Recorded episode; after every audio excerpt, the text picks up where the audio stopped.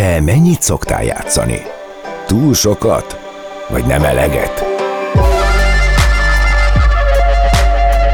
Ez a Game On, a Rádiókafé magazin műsora a játékok világáról. A mikrofonnál Bényi László, Bodnár Csaba és Gáspár József.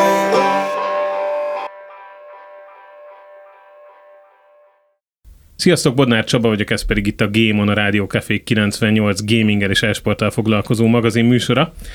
És hát ezt az adást egyedül vezetem, nincs itt se Joci, se Gret, aminek az az oka, hogy egy portréinterjút fogok készíteni Józsa Szabolcsal, a Nemesis Games alapítójával, résztulajdonosával és ügyvezetőjével. És hát ez a portréinterjús jelleg, ez nyilván meg kívánja, hogy egy-egyben beszélgessünk itt. Függetlenül attól egyébként, hogy nem terveztünk be a műsorba mi portréinterjúkat, de Szabolcs egy nagyon prominens alakja a hazai játékfejlesztői iparágnak, és nagyon sok mindenről tudnék vele beszélgetni, úgyhogy ezért, ezért jutott eszembe az, hogy inkább itt, itt alapvetően az életedről fogunk beszélgetni. Köszöntöm ezúttal Józsa Szabolcsot, szia Szabi! Szia, köszönöm a szép bemutatást. Mert, mert hogy tényleg rengeteg dolgot tudunk itt érinteni, és és egy dolog közös a játékok, tehát a, a te életed az, az a játékok, a játékfejlesztés körül zajlik. Ez, ez mindig is így volt egyébként, vagy honnan indult neked ez az egész? Hát igen, az életemben mindig is szerepet játszott a játék. Én is még abból a korszakból vagyok, amit a vakondok filmek dolgoznak fel, ezek a dokumentumfilmek, hogy ez a C64 korszak, mi is Ausztriából hoztuk az első C64-emet, és akkor tényleg a, a kazettás, fejállítós korszakból jövök még, és aztán igazából, ahol ahol ez egy nagy, nagy váltás volt nekem, az az volt, amikor az első ilyen e-sportszerűen játszható játékok jelentek meg. Hát ugye a Quake volt nekem igazából az a játék, ami nagyon-nagyon megfogott, és akkor gyakorlatilag a, a Quake-kel kezdtem én, amikor még ugye nem is tudtuk, hogy ez az e-sport, de ilyen e-sport szinten foglalkozni, amiben aztán a, hát végül abban volt a legnagyobb sikerem, hogy a top 16-ban voltam az egyik Quake versenyen. Ami a hazai nagy kvékverseny igen, volt, igazán. ha valaki esetleg ezt így nem, nem tudná. Tehát igazából te már gyerekkorodban is játszottál, ez a kvékkorszak, ez, ez mikor jött? Most ki tudnám számolni, mert tudom, hogy mennyi idős vagy, de talán, talán nem mindenki van ezzel így, úgyhogy ez hány éves korodban volt, amikor elkezdtél kvázi versenyszerűen kvékezni? Az olyan 16 éves koromban volt, amikor úgy igazán rászakadtam a, a játékra. Aztán egyébként maga a versenyzős korszak az már inkább a, a fősuli volt tehát fősorban ilyen 19 éves koromban találtam egy srácot a, a suliba, aki, aki sokkal, de sokkal jobb volt nálam, és így kitűztem célnak, hogy azt a srácot el kell érnem. Nagyon sokat beszélgettünk, még tök jó fel volt a gyerek, hogy minden titkát átadta, meg még ilyesmi. Aztán egy pár hónappal később már jobb voltam nála. És te milyen iskolákban jártál? Ugye középiskola alatt kezdted. Azért kérdezem, mert egyébként én például számítástechnikai szakközépiskolában jártam, és nekem így viszonylag egyértelmű volt, hogy IT-val fogok foglalkozni, hogy azon belül mivel azt nem tudtam, de ez neked is már adott volt? Tehát így választották középiskolát is, főiskolát is? Nem, nem, én, én pont, hogy nagyon-nagyon megszívtam. Én 77-ben születtem, és ki lehet számolni, hogy 91 volt az, amikor nekem középiskolába kellett mennem, és én voltam a legtekibb, leggeekebb gyerek az általános iskolai osztályomban, de a matek az sosem feküdt nekem úgy igazán. Tehát én mindig egy picit ilyen milyen iskola mellé járó gyerek voltam, tehát például már abban az időben játszottunk, annyit barátaimmal ugye ellogtunk a suliba, úgyhogy a matek jegyeim nem voltak tök jók, és volt például két srác az osztályban, akik kevésbé voltak geekek, mint én, én tanítgattam őket különböző programozási dolgokra, tehát 91-ben indultak az első ilyen számítástechnikai gimmick, meg, meg ilyesmi, és legnagyobb meglepetésükre ők ketten bejutottak, én meg nem. Mai napig emlékszem arra a beszélgetésre, amit a Robi barátommal folytattam, amikor rájött, hogy én nem leszek ott, miközben mindent én tanítottam neki a számítástechnikában. Szomorú volt?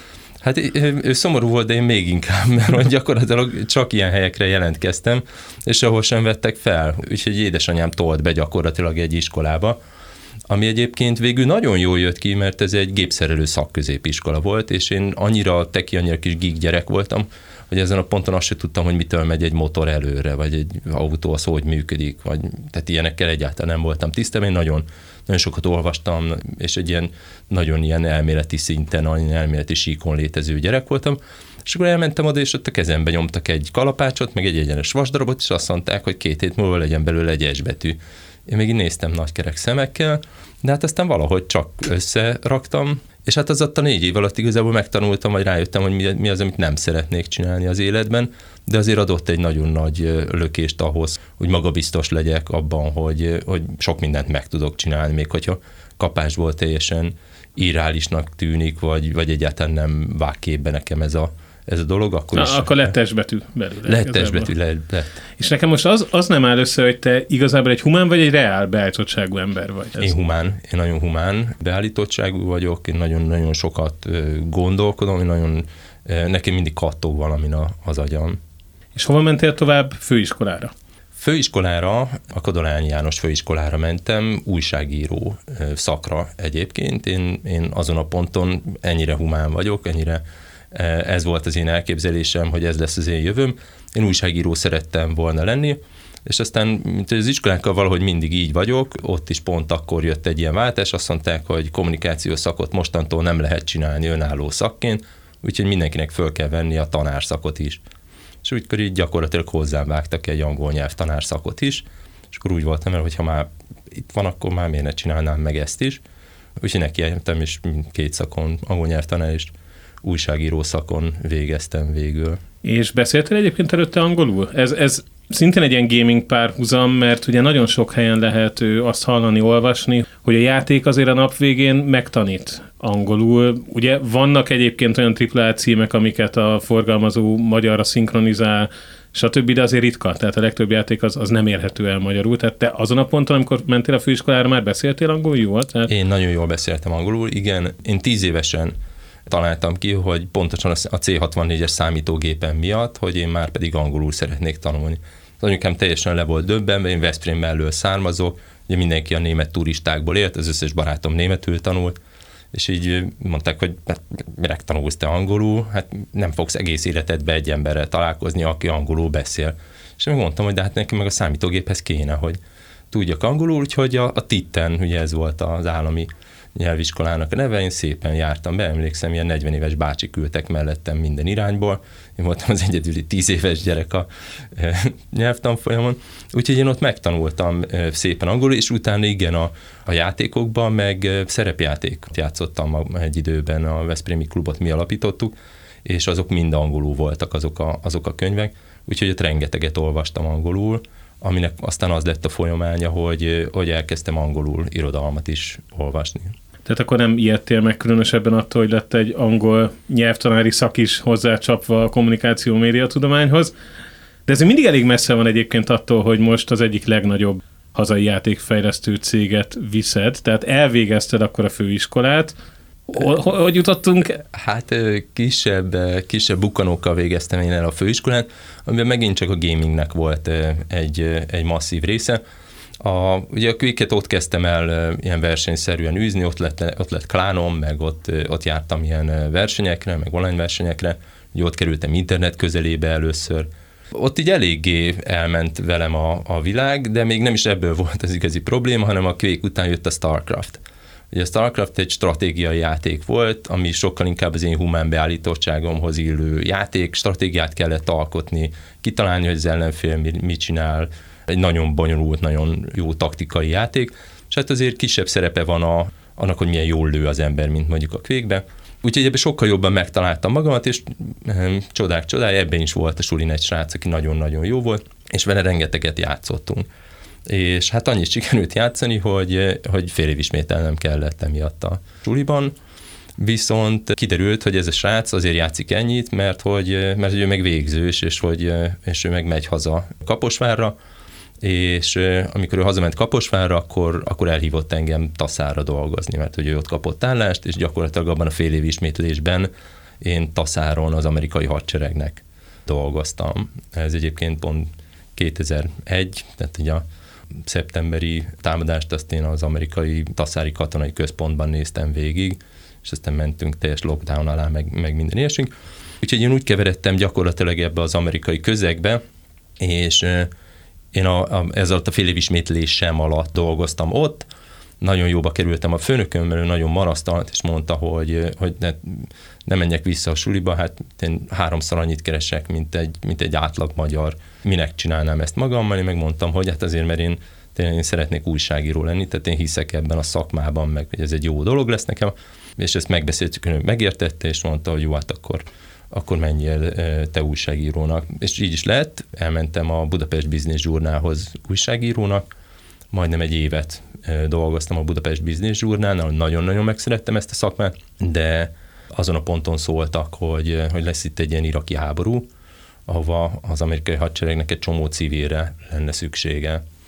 És... Tehát akkor Tassáron te civilként dolgoztál, hogy ne legyen félreértés ebből. Igen. Lehet egyébként ezekről így 20 plusz év távlatával beszélni, hogy mit, mit csináltál ott? Mert hát egyébként szerintem az átlagembernek fogalma nincs arról, hogy hogy épül fel egy hadsereg, meg, meg milyen kiszolgáló személyzet van ez az egészhez. Hát gondolom itt sok, sok civilre van ugye szükség. Persze, persze, hát nem akarom nagyon félrevinni a, a sztori vonalat a, a gamingtől, de, de igen, persze, hát egy 20 év távlatából már, már nagyon sok mindent el lehet mondani. Én ott egyébként Operations Photographer voltam, így, ez volt az, az én munkaköri leírásom, ami egy, egy ilyen igen, operációs fotósnak hívható, vagy, vagy igazgatósági fotósnak, de ezért nekem elég jó pozíció volt, én bárhol bemehettem, bármit megnézhettem, bármit lefotózhattam, mert gyakorlatilag az amerikai hadseregben az a felállás érvényesül, hogy ha te katona vagy, akkor neked az a feladatod, hogy fogd a puskát és az ellenségre lőj. És minden más olyan funkciót, ami ahhoz kell, hogy te ezt meg tud tenni, tehát az, hogy legyen latrina takarítás, meg, meg étkezde, meg, meg oda legyen szállítva minden ehhez a dologhoz, azt, azt civilek végzik. Erre egy pár cég van felkészítve a világon, akik ezt nagyon-nagyon sok pénzért végzik. Ez egy úgynevezett cost plus fee kontrakt, ami azt jelenti, hogy minden, minden tételt fizet az amerikai hadsereg, és időről időre áttekintik ezt az egészet, nagyjából fél évente van egy ilyen összeülés a németországi központi bázison, Ramsteinben, és, és ott megszavazzák a fít, hogy mi volt az a pénz, amiért egyébként ezt az egészet csinálta ez a cég, és ez egy 5-től azt hiszem 8 százalékig terjedő százalék volt. És hát itt mint milliárd dollárokról beszélünk, ez a 5-től 8 százalék, az a 3 százalék differencia, az iszonyatos pénzt jelent, és ehhez minden fél évben össze kell rakni ennek a cégnek egy prezentációt. Na én ebbe a prezentációba készítettem a képeket. Innen folytatjuk, most tartunk egy kis szünetet, maradjatok velünk. Beszélgetés, interjúk a játékvilág szakértőivel. Visszatértünk ez még mindig a Game on a Rádió Café 98-on, és folytatom a portré interjút Józsa Szabolcsan, a Nemesis Games alapítójával, résztulajdonosával és ügyvezetőjével. Ugye ott, ott tartottunk, igaz pár perc ezelőtt volt, de azért gyorsan összefoglalom, hogy humán beállítottságú emberként te mégis nagyon benne voltál a gaming világban és az e-sport világban akkor, amikor még ez, ez a szó valószínűleg nem is létezett. És innen a főiskolás éveid alatt, ahol ugye újságírónak és angol nyelvtanának tanultál, elkerültél Taszára, egy amerikai környezetben dolgoztál, és ha jól értem, akkor az egy évnyi Budapest Business Journal munkád után megkeresett a volt főnököt, parancsnokod, nem is tudom, hogy itt mi a Főnököm, fő, főnököd. Civil volt. Hogy hát Irakba készülnek az amerikaiak. Ez, ez hogy zajlott egyébként? Tehát, hogy így, így felhívtak, hogy akkor így Amerika lerohanja Irakot, és, és kéne menni? Ez pont így zajlott, igen. Amennyire, amennyire viccesen hangzik, egyik nap csörgött a, a telefonom, és, és a főnököm, volt főnököm egy évvel, tehát nem is beszéltünk az alatt az egy év alatt jóformán, ő ilyen hangos ember volt, és ő azzal kezdte így a telefonba, egy felkurjantott, hogy le fogjuk rohanni Irakot. Köpni nyelni nem tudtam, mert azon a ponton még a, a tömegpusztító fegyverek, meg ilyesmi, tehát ezek mentek a tévébe, de szó nem volt arról, hogy, hogy, hogy bárki is megtámadná.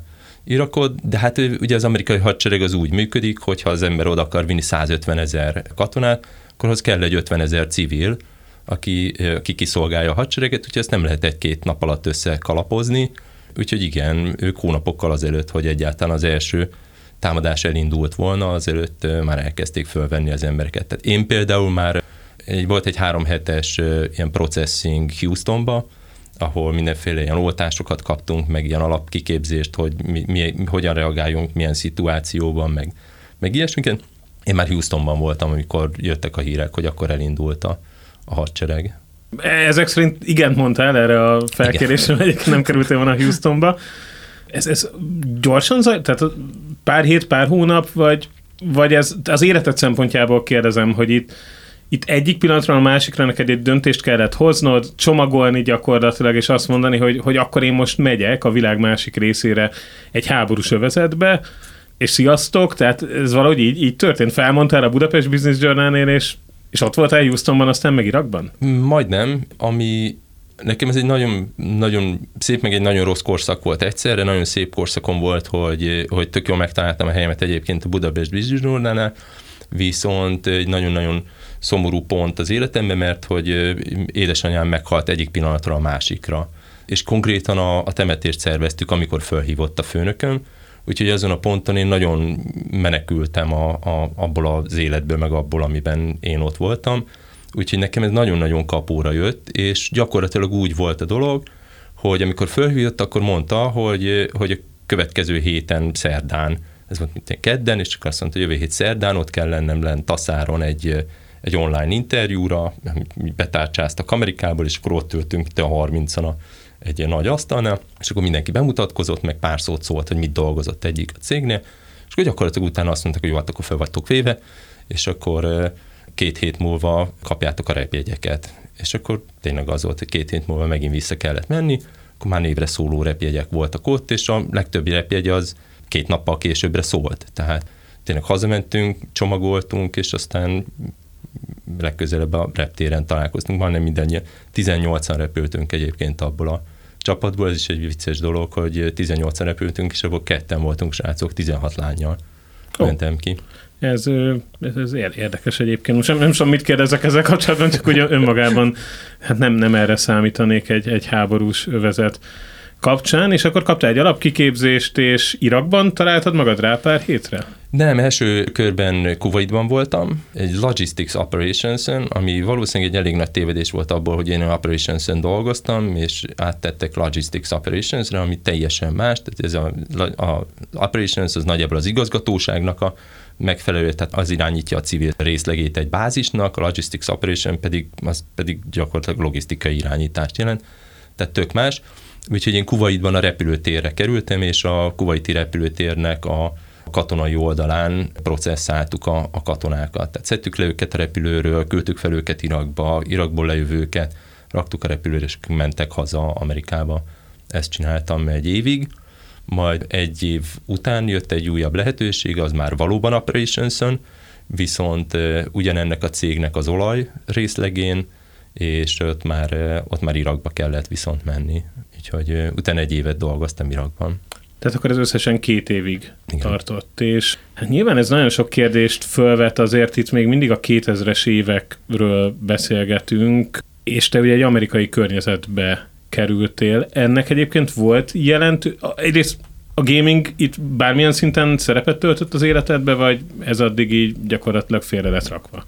Hát ott napi 12 órát dolgoztunk, úgyhogy, úgyhogy amíg ott voltam, addig, addig ez igen, félre lett éve. És két évet ugye ott, ott voltál, gondolom most nem itt a zsebedben turkálva, de ez akkori magyar átlag bérszínvonalhoz képest egy jelentős összeg volt. Ez te akkor már így tudatosan, mert gondolom akkor utána indult a vállalkozás. Ez, ez te már, tehát erre gyűjtöttél? Igen.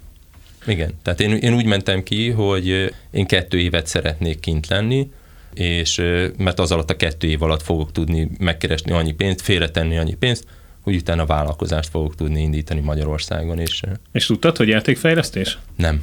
Azon a ponton még nem tudtam, hogy játékfejlesztés. Amikor jöttem haza, akkor, akkor nagyon sok minden pörgött a fejembe, és volt egy nagyon jó barátom, aki jött, és mondta, hogy hát mindig is érdekeltek a játékok, itt meg vannak srácok, akiket én ismerek a fősuliról, ezek meg tök jó játékfejlesztők, hát miért nem csináltok valamit? Úgyhogy így ültettek le a mostani cégtársammal először, hogy mert így kb. érdekeltek vagytok egymásban. Tehát akkor a játék volt itt abszolút a, a közös dolog. És hogy indult maga a cég? Tehát oké, okay, találkoztál pár srác, tehát neked volt pénzed, meg volt azért tudásod is, illetve volt egy amerikai mentalitásod? Ezt azért így két Így év van. után ki lehet jelenteni? Ennyire ráragad az emberre? Nagyon. Vagy hát nem tudom, hogy, hogy mások hogy vannak ezzel, de rám, rám nagyon-nagyon hatott az amerikai működési mentalitás. Úgyhogy, úgyhogy És ja, mi, mi, jött át egyébként ott a, az amerikai hadseregtől, amit az üzleti életben tudtál kamatoztatni? Mert ugye én azért úgy gondolom, hogy ez egy nagyon olajozott gépezet lehet. Így van. Az egyik dolog, ami nagyon-nagyon megragadt, az az, hogy, az, hogy processzt kell gyártani mindenre. Igen, ez egy, ez egy katonai ö, környezet volt, de ott gyakorlatilag min, mindenre van egy, ö, van egy előírt processz, hogy ezt hogyan kell megcsinálni. És ez azért nagyon-nagyon jó, mert, mert hiába csinálod 50-szer végig ugyanazt az egész dolgot, amikor 51 egyére csinálod, simán elfelejtesz valami apróságot, amitől, amit akár, borul, amitől akár borulhat az egész dolog. Úgyhogy amikor én megjöttem, akkor, akkor ez volt az egyik dolog, hogy minden egyes olyanra, olyan dologra, ami az én feladatom volt, vagy ami a munkatársaim feladata volt, azokra szépen ilyen listákat, ilyen pipálós listákat írtam. És szerintem ez nekünk az elején tökre sokat segített, hogy streamline-olt legyen a, a munka között. Hát igazából ez egy nagy, nagy vállalati működés volt akkor, holott te kezdővállalkozóként egy hát mik- mikro, Mikro, céget, vagy hát KKV-nak is talán túlzás lehet még nevezni ezen a ponton csináltál, de akkor ez, ez kellett ehhez a digitális világhoz, vagy legalábbis hasznot hajtottatok abból, hogy az első pillanattól voltak processzek. Igen, igen, igen. Hát én, megpróbáltam mindent, mindent processzbe tenni. A másik dolog még, ami, ami nekem nagyon jött a- az amerikai mentalitásból, hogy ők rettentően nyitottak.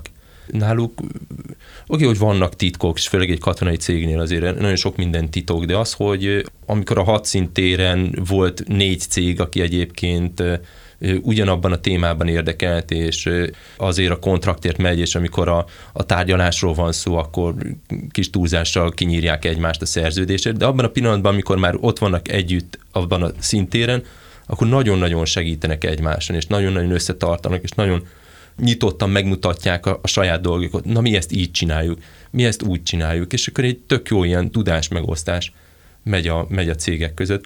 Amikor megcsináltuk mi Magyarországon a játékfejlesztő cégünket, akkor kapásból ez volt nálunk a, a, a hozzáállás, hogy ha bárki eljön hozzánk, a, a trade secretjeinket nem fogjuk kiadni, de bárkit beengedünk, és beszélgetünk vele, és elmondjuk, hogy mit csinálunk, miért csináljuk, meg mi a logika. Tehát ha most röviden összefoglalom, akkor tulajdonképpen neked azért lett egy játékfejlesztő céged, mert köztudottan gamer voltál és érdekelt ez a dolog, és ezáltal egyszerűen ebben a közegben voltál, és összehoztak a mostani cégtársad. És egyébként egyből neki is álltatok ott játékot fejleszteni, hogy Nem, nem, hát három teljesen egy kvázi vadidegen sráccal kezdtem bele egy cégbe. Az első mondás az az volt, hogy először próbáljunk meg valami IT dolgot össze. Csináljunk legalább két weboldalt először, és akkor nézzük meg, hogy tudunk együtt dolgozni. És el is kezdtünk mindenféle IT-s cuccot csinálni az első körben, és amikor az úgy nagyjából talpra állt, tehát amikor az már úgy, úgy eltartotta magát az a, az a cég, akkor kezdtünk bele a játékfejlesztésbe és elindítottuk a, a játékfejlesztést, amihez hát jelves srácok már csináltak játékot egyébként, ők az 576 kilobájt számítógépes újságnak csináltak ezeket a kisebb játékokat, amiket ugye CD-n beletettek, meg csereberélt az 576 külföldi másik kiadókkal, ezeket csinálták a, a srácok, de itt mi egy sokkal nagyobb fába vágtuk a fejszínket, úgyhogy, úgyhogy nagyjából el is költöttem az összes megtakarított pénzemet erre az egész dologra. Hát volt egy pár év, amikor, a, amikor az IT cégből bejövő összes pénzt, az gyakorlatilag öntöttük rá a játékfejlesztésre, csak hogy, hogy egyáltalán legyen játékfejlesztésünk, de ez volt az a dolog, ami igazán érdekelt bennünket. Tehát én, én ott egyébként designerként léptem be a játékfejlesztésbe, tehát én a humán vonalamat hoztam a, a, a játékokba, és én találtam ki, hogy milyen játékokat csináljunk. És nagyon, nagyon szerettem, meg nagyon megszerettük ezt az egész működést, úgyhogy akkor is, amikor nem ment annyira jól a szekér, akkor is tényleg minden pénzünket ebbe, ebbe tettük. innen folytatjuk, most tartunk egy kis szünetet, maradjatok velünk. Még ne menjetek el, a szünet után folytatódik a Game On.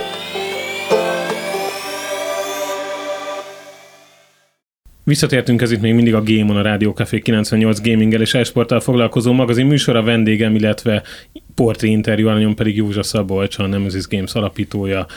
résztulajdonosa és ügyvezetője, és azért tartottam egy kis szünetet, mert ugye most jutottunk el odáig, így a harmadik blokkunkban, hogy hát megalakult a cég. Egyébként időben itt hol tartunk? 2010-es évek ez már? Nem, nem, 2006. Ez 2006.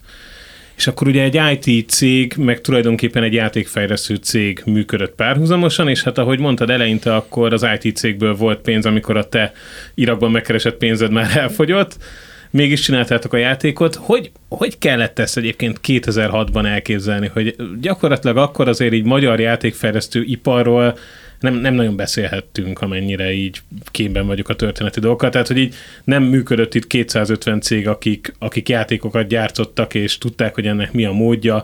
A magyar játékfejlesztés gondolom nem volt egy ismert dolog külföldön, tehát oké, okay, kitaláltátok, hogy, hogy játék, ilyen játék, és akkor hogy, hogy került ez piacra? Hogy, hogy tudtatok belőle pénzt csinálni a végén?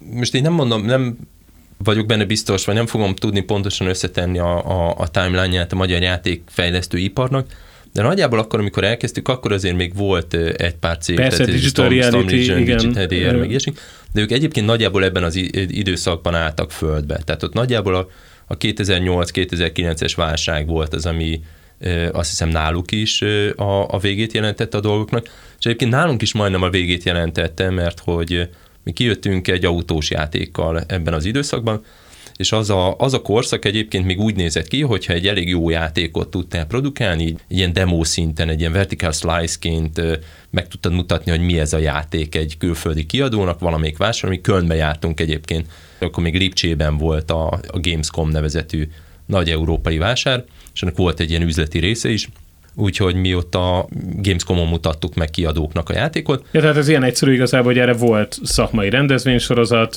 meg kellett csinálni a játékot, és gyakorlatilag házalni vele, és hát akkor igen, egy kiadó igen. azt mondta, hogy ez nekem tetszik. Igen, igen, igen. Hát mindenki ezt be kellett kopogtatni ott ezen a vásáron, és akkor nyilván a nagyobb cégek azok elhajtottak, néha elég csúnyán, kisebb cégekkel meg elkezdett az ember eh, üzletelni, és abban az időszakban ez úgy nézett ki, hogy hogyha tényleg ha jó volt a játék, vagy jól nézett ki a játék, akkor egy csomószor így azt mondták, hogy oké, okay, én ezt megveszem, és akkor mennyi előleget kérsz, és akkor lehetett kérni egy ilyen 5000 dollár előleget a játékra, és azt mondjuk meg tudta az ember csinálni egy ilyen 8-10 kisebb kiadóval, akkor végül így összeállt a büdzsé a, a játékra. Mennyien voltatok ezen a ponton egyébként? Mekkora volt a cég? 15 talán. Tehát az már azért nem a garázs cég. Az már nem, az már nem. Jó, mondjuk ebből mondjuk 9-10 volt az IT cég, aki ugye a, a, a pénzt kereste gyakorlatilag, és akkor 5-6-an voltak, akik a játékfejlesztésen dolgoztak. És hát ott 2009 nekünk nagyon-nagyon betett, mert az összes ilyen szerződésünket ott a válság tájéken, az gyakorlatilag egyik pillanatról a másikra visszamondták de emlékszem arra a hétre, amikor gyakorlatilag egymás után kaptam az e-maileket, ahol mondták, hogy na az a szerződés, amit kötöttünk, ugye két hónap, na az már nincs. És akkor gyakorlatilag ott álltunk, úgyhogy hiszem talán két helyen jelent meg összesen a játék, az első játék, amit megcsináltunk. Ez az autós játék, amit Ez az autós játék, a Heatwave volt egyébként a neve a játéknak, úgyhogy minimális pénzünk jött be belőle, de, de úgy voltunk vele, hogy, hogy itt az időzítés volt rossz, nem pedig a, nem pedig a termék. Úgyhogy gyakorlatilag azonnal belevágtunk a következő autós játékba. És az mennyi idő alatt készült el, meg milyen, milyen fogadtatása? Tehát a válság alatt gyakorlatilag, tehát ez túllendített titeket? Rajta. Túllendített bennünket, de az Ignite az egyébként, Ignite volt a címe a játéknak, az Ignite egyébként sokáig készült, azt hiszem talán 2014-ben jött ki végül. Egy ilyen 5-6 éves fejlesztési idő? Igen, de egy kicsit el térültünk útközben, mert útközben kiadtunk egy másik játékot, egy Fortix nevezetű játékot, ami egy területfoglalgatós játék volt, és kiadtuk a Fortixot, és azt szerették az emberek, ezt egy csomó helyen nagyon-nagyon jó kis pontszámot kapott, meg le tudtuk húzni konzolra is, és az, az tök jól ment, és azt kérték, hogy legyen folytatása. Úgyhogy csináltunk egy Fortix 2-t is, és a Fortix 2 volt az, ami 2011-ben minket kirepített Las Vegasba, a, az Indie Game Challenge-nek a, a döntébe. Ez mondjuk egy Cannes Film Fesztivál megfelelője a játékiparban. Tehát egy rangos díj akkor. Tehát ez egy nagyon-nagyon rangos díj, tehát ott egyáltalán jelöltnek lenni, ez egy nagyon, nagyon komoly dolog volt. Tehát kireptettek bennünket, vörös szőnyeges esemény, meg tényleg így a iparág legnagyobb emberei, meg a, a G4 TV-t volt a, a, a egésznek a közvetítése, úgyhogy ez egy nagyon nagy cucc volt, ez egyébként nagyon jó ilyen iparági kapcsolatokra is, is tettünk szert, és aztán igazából a, a Fortix-ból éltünk, amíg, amíg utána visszatértünk az Ignite-ra, és akkor fejeztük be az Ignite. És játékot. miért, miért jegeltétek egyébként az Ignite-ot? mert nagyon, nagyon hosszan húzódott már a játék, tehát abszolút látszott már a csapaton egy ilyen két év fejlesztést után, hogy, hogy kezdenek kifáradni. Tehát tökre látszott rajtuk, hogy, hogy egész egyszerűen az idegeik túl húzódnak, és, és valami motivációra lett volna szükség.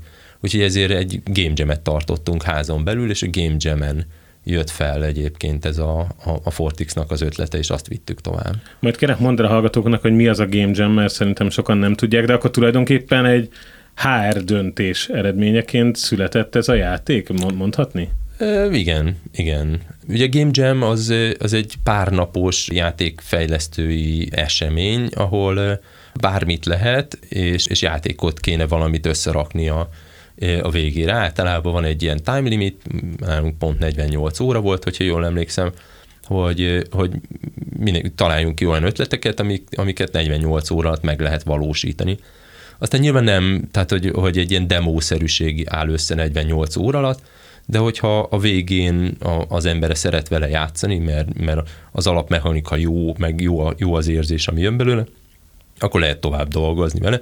És aztán mi is ezt csináltuk, a, azt hiszem a maga a demo is a, a 48 óra végére csak olyan jó pofa volt, és aztán egy teljes hét telt el, mire e, volt benne X pálya, meg tényleg jó játszható volt, és akkor azt mondtuk, hogy jó, ez tök jó ez a játék, és utána talán még egy fél év volt, mire a Fortix egyet összeraktuk. Tehát, hogy akkor ez azért nem egy, nem egy kétnapos fejlesztés volt a nap végén, de, de akkor örültek neki a kollégák, hogy, hogy egy kicsit kiszakadtak a, az Ignite-ból. Na és akkor ott voltatok a 2010-es évek elején, hogy volt egy fejlesztés alatt álló nagy autós játékotok, volt egy szakmailag és anyagilag is elismert Fortix 2-tök, hogyan mentetek tovább? Hát kiadtuk a játékot, kiadtuk az Ignite-ot 2014-ben, és hát nem mondom, hogy, hogy kasszát robbantott, vagy ilyesmi, de, de ilyen szép bevételek jöttek belőle, és akkor utána leszerződtünk Microsoft-tal, Playstation-nel, hogy tudjuk oda is kivinni a játékot, neki is álltunk ezeknek a, a, ezeknek a dolgoknak, de végül igazából mi ott egy nagyot fordultunk. Én 2016-ban kim voltam Amerikában egy, egy startup program keretében, és egy művészeti iskolában laktunk, meg ott, ott csináltuk ezt az egész startup programot. Három hónapig ott, ott éltem, és annyira, annyira jó ilyen művészeti anyagokat, annyira, annyira a játékok irányába működő művészi témákat láttam ott a, a, a suliban, és annyira nem láttam ezt Magyarországon, hogy úgy éreztem, hogy ez egy, ez egy iszonyatos versenyelőny nekik, nekünk meg egy hatalmas verseny hátrány. Úgyhogy én ott azt találtam ki, hogy, hogy sokkal jobb lenne, hogyha a mi erősségeinkre támaszkodnánk, és a verseny hátrányokat meg próbálnánk valahogy így kicselezni, és gyakorlatilag meggyőztem a srácokat, hogy nekünk code development kéne foglalkoznunk. Nagyon-nagyon jó programozóink vannak, nagyon-nagyon jók tényleg a, a magyar iskolákból kikerülő programozók, és nekünk ezt kéne igazából a nyugatnak eladni, nem pedig komplet játékokat. És tehát ezen a ponton sokan mondták, hogy, hogy hülye vagyok, csak nem pörgök, mert hogy, hogy tehát senki nem fogja azt megengedni, hogy a x millió dolláros címét, amit ő fejleszt Amerikába, ez egy kis magyar ö, csapat itt ö, Kelet-Európában hozzányúljon, és akkor potenciálisan ellopják, meg ilyesmik. Tehát ugye ez a, ez a kalózkodás azért játékiparban is pontosan ugyanúgy jelen van, mint hát ahogy persze, a filmiparban. Hát itt ez egy óriási érték, gondolom, hogy van egy, egy nem tudom, nagyon drága motor, és akkor ha igazából azt egy ember hazaviszi, és ellopják azt a notebookot, mert nem tudom, beül a kávézóba utána, és, és elviszik, akkor ott, akkor ott elvittek több százmillió dollárnyi értéket. Így van, így van. És ez akkor, mikor én ennek elkezdtem utána menni, akkor, akkor nem is volt egy elterjedt dolog az iparágban, de valahogy én azt éreztem, hogy a, a grafikát már, már szervezik ki mindenhova. Tehát azon a ponton a grafika kiszervezés az nem volt egy újdonság, és én valahogy úgy éreztem, hogy a, a kód is jönni fog ezután.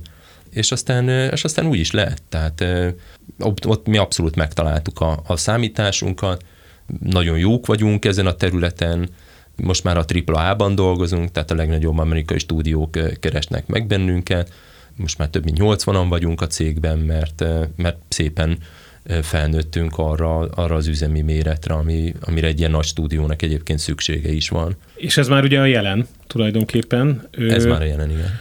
Lehet mondani egyébként címeket, hogy miken dolgoztatok, dolgoztok, amiket itt a hallgatók is ismerhetnek a AAA kategóriából? Vagy elég, elég egyet is, hogyha... Mert látom, hogy egy kicsit most így gondba vagy, de ha van esetleg olyan, ahol nem, nem köt titoktartás, akkor csak hogy el tudják képzelni a hallgatók, hogy itt miről is beszélünk. Hát az Elder Scrolls Online az a világ top 5 MMO-jában benne van, azon, azon dolgozunk, ezt, ezt elmondhatom. De egy céget Disneynek dolgoztunk, meg Unitynek, aki a ugye a, a játék engine fejlesztő cég, nekik is, tehát abban az engine-ben van munkánk nekünk. Tehát. Nagyon fogy az adásidőnk, és rengeteg kérdés van még itt a fejemben, de próbálnám valahogy úgy lezárni ezt a, ezt a kerekportrét, és hát köszönöm, hogy itt velem is, meg a hallgatókkal is megosztottad az életpályádat, mert hát egy nagyon izgalmas, izgalmas dolog volt. Hogy látod most a hazai játékfejlesztést? Ugye említetted, hogy felsőoktatási intézményekből nagyon jó programozók kerülnek ki, de hogy pár évvel ezelőtti sztorinál mondtad, hogy game designban meg ilyesmi nem vagyunk erősek. Ha most valaki hallgat minket egy fiatal hölgy vagy egy fiatal ember, és, és azt mondja, hogy engem amúgy érdekel a játékok világa, meg úgy, úgy programozásban is ott vagyok, vagy a művészetekben is ott vagyok. Érdemes ebbe tovább menni itt Magyarországon most 2023 elején? Abszolút, sőt egyre, egyre több lehetőség van. Game design még mindig nem nagyon oktatnak Magyarországon, ezt még mindig autodidakta módon kell megtanulni az embernek, de nagyon sok lehetőség van most már, például február végén tartjuk a, az egyetlen nagy konferenciáját a játékiparnak Magyarországon, ez a Game Dev Day névre hallgat, ami kifejezetten arra épült, hogy összehozza a cégeket, az iskolákat, meg a, meg a potenciális tanulókat, hogy ide tudjanak, a játékiparba tudjanak haladni. Úgyhogy ott, ott rengeteg olyan lehetőséget lehet megtalálni, amin keresztül az ember játékiparban juthat Magyarországon. És egyszerre szégyellem magam egy kicsit, mert hogy úgy jön ki, mintha így pont erre kérdeztem volna, pedig megmondom őszintén nem néztem utána, és fogalmam nem volt, hogy ez az esemény lesz. De hát akkor, ha valakit érdekel ez a téma, te is ott leszel egyébként? Igen, igen. Jó, akkor ha valakit Szabi is érdekel, akkor ott majd ő meg lehet találni. Ő, mi volt még egyszer az esemény neve, csak hogy? Game Dev Day. Game Dev Day, és akkor ez a magyar játékfejlesztésnek egy ilyen, egy ilyen fontos, fontos pillére. Elfogyott sajnos az időnk, Józsa Szabolcsot, a Nemesis Games alapítóját, résztulajdonosát, illetve ügyvezetőjét hallották, aki hát itt a Nemesis Games történetét és a saját életét mesélte el. Szabi, nagyon szépen köszönöm, hogy itt voltál, nagyon izgalmas volt. Én köszönöm. És hát köszönöm mindenkinek, aki ezúttal is minket hallgatott, legközelebb is tegyetek így. Vigyázzatok magatokra, sziasztok! Te mennyit szoktál játszani? Túl sokat? Vagy nem eleget? Ez a Game On, magazinműsor a játékok világáról. Casual gaming és e-sport, konzolok, PC-k, trendek, gazdasági elemzések, Bényi Lászlóval, Bodnár Csabával és Gáspár Józseffel minden szerdán délután 3-tól 4-ig a Rádió Cafén.